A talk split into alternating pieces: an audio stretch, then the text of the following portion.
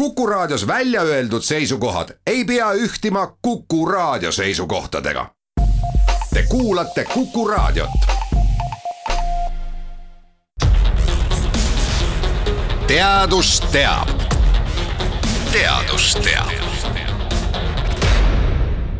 tänases Teadus teab rubriigis räägime kaladest.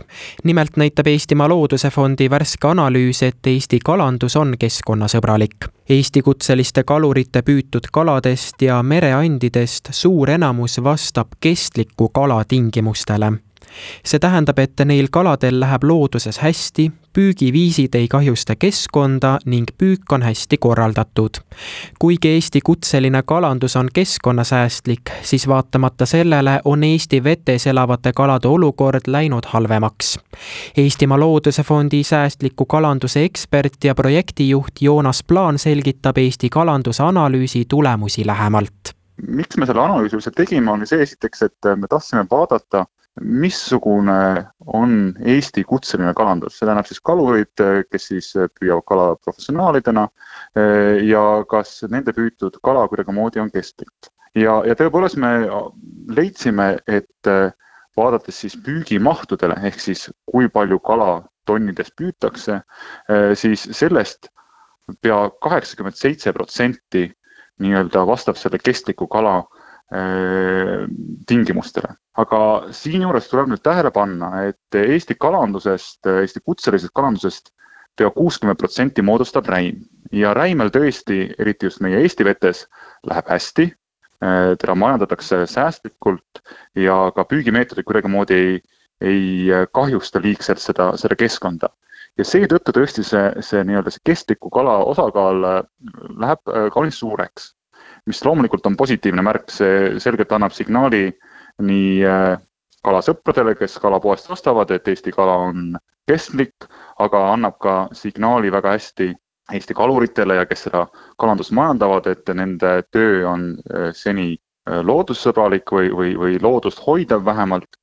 aga kui nüüd vaadata seda teist tahku ja seda murekohta, siis samal ajal me näeme tegelikult, et liigiliselt, et neid erinevaid liike kellel läheb looduses kehvemini, on aasta-aastalt rohkem. elik et kui tõesti see, see, see püügimaht, mida me välja püüame, eh, sellest suur osa on, on siiski kestlik, siis samal ajal tegelikult äh, väga paljud liigid eh, on väga kehvas olukorras ja neid me püüamegi juba lihtsalt eh, koguselt palju vähem. Eh, mistõttu siis see tegelikult nii hästi võib-olla selles, selles andmestikus ei kajastu, aga, aga siiski see on asi, mida peaks tähele panema ja mis teeb tegelikult murelikuks nii mind kui, kui kalanduse eest seisjat, kui ka tegelikult peaks tegema murelikuks neid kalureid, kes sellest elatuvad, sest et see tähendab seda, et tõesti aina vähem on kala, mida meresse tegelikult püüda kui tuua konkreetseid äh, näiteid, et äh, millised on siis need kestlikud kalaliigid, et mainisite siin enne räime ja millised siis ei ole niivõrd kestlikud viimastel andmetel no,?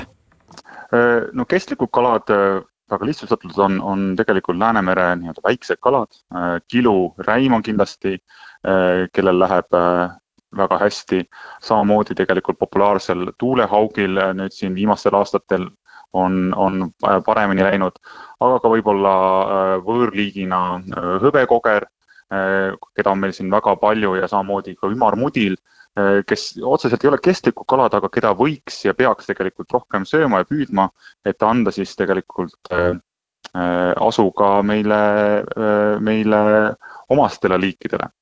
Need on nüüd need liigid tõesti, kellel, kellel hästi läheb. küll aga kehvemini läheb äh, meil angerjal, tursal, äh, aga ka, ka lestal näiteks äh, populaarsematest kaladest rääkida. ja iga kala puhul loomulikult on erinevad põhjused, miks neil, neil kehvasti läheb ja, ja, ja ei saa alati nagu ühe, ühe puuga lüüa, öeldes, et, et alati on süüdi selles siis näiteks kalurid ja nende, nende ülepüük, aga kindlasti mõneti see ikkagi see püük ikka seda, seda rolli siin mängib no võttes needsamad need kolm need äh, nii-öelda kehvas olukorras olevat liiki siin vaadates näidetena, siis tursk, äh, kellel Läänemerest läheb tõesti äh, vaata kõige kehvemini täna, Läänemerest peaaegu et on ta kadumas, siis selle põhjus paljuski on ikkagi ülepüük, mis on siis olnud lubatud juba, juba aastaid.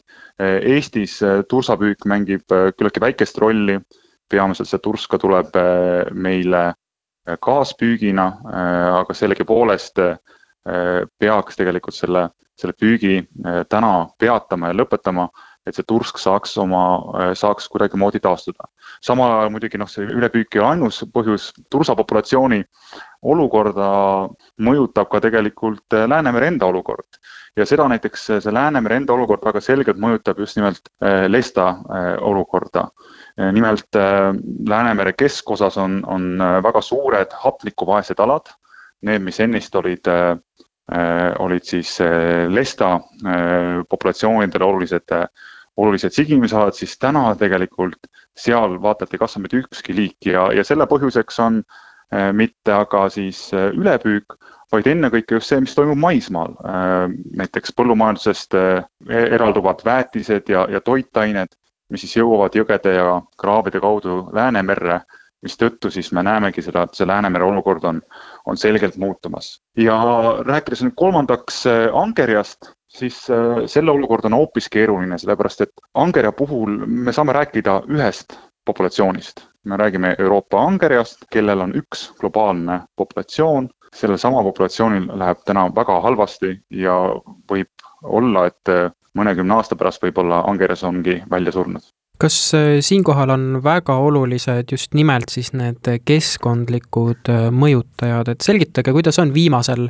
viimastel aastatel just nimelt sellised keskkondlikud näitajad äh, seda kalade olukorda mõjutanud? keskkondlikud näited, näitena võib noh, loomulikult rääkida kliimamuutustest ja, ja, ja mismoodi siis, siis kliimamuutused näiteks võivad mõjutada kalade olukorda, näiteks soojem meri mida selgelt siis Läänemeri tänaseks äh, on tasapisi, äh, tähendab seda, et külmemat vett armastavad liigid kaovad ning asemele tulevad uued. no näiteks äh, lõhe eelistab külmevat, külmemat vett kui üksteist, kaksteist kraadi ning juba on märgata, et lõhe on kolinud sügavamatesse veekihtidesse, kus vesi veel ei ole lihtsalt liiga soe. ja, ja see tähendab ka seda, et Eesti vetesse võib eksida ära ka täiesti uusi liike.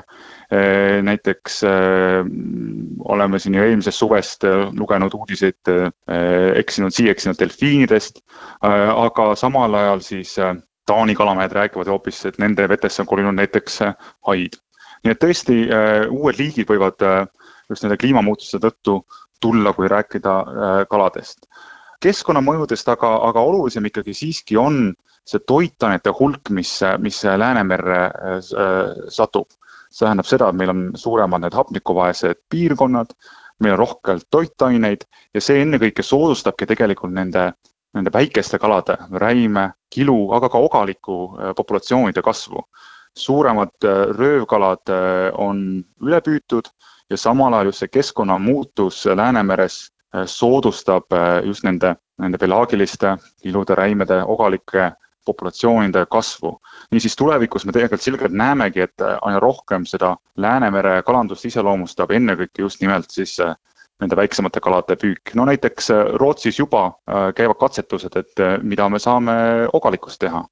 Kas ogalik sobiks väga hästi näiteks kalakasvatuste toiduks või sobiks ta hoopis väetiseks, jahuks tegemiseks. et see võib olla ka tulevik meil Eesti kalanduses ja mida saaks igaüks ise ära teha, et kalandus oleks jätkusuutlik? Joonas Plaan soovitas ennekõike tarbida kestlikke kalu. ühtlasi tasuks rohkem süüa ka kodumaist kala ja värsket kala, näiteks räime. Vältida võiks suurte röövkalade või eksootiliste ja kaugemalt tulnud kalade tarbimist, näiteks siis tuunikala või hiidkrevette, sest neil on ju palju suurem keskkonnajälg kui tarbime kohalikku kala, hoiame me pisut ka loodust ning toetame elu maapiirkondades. teadus teab. teadus teab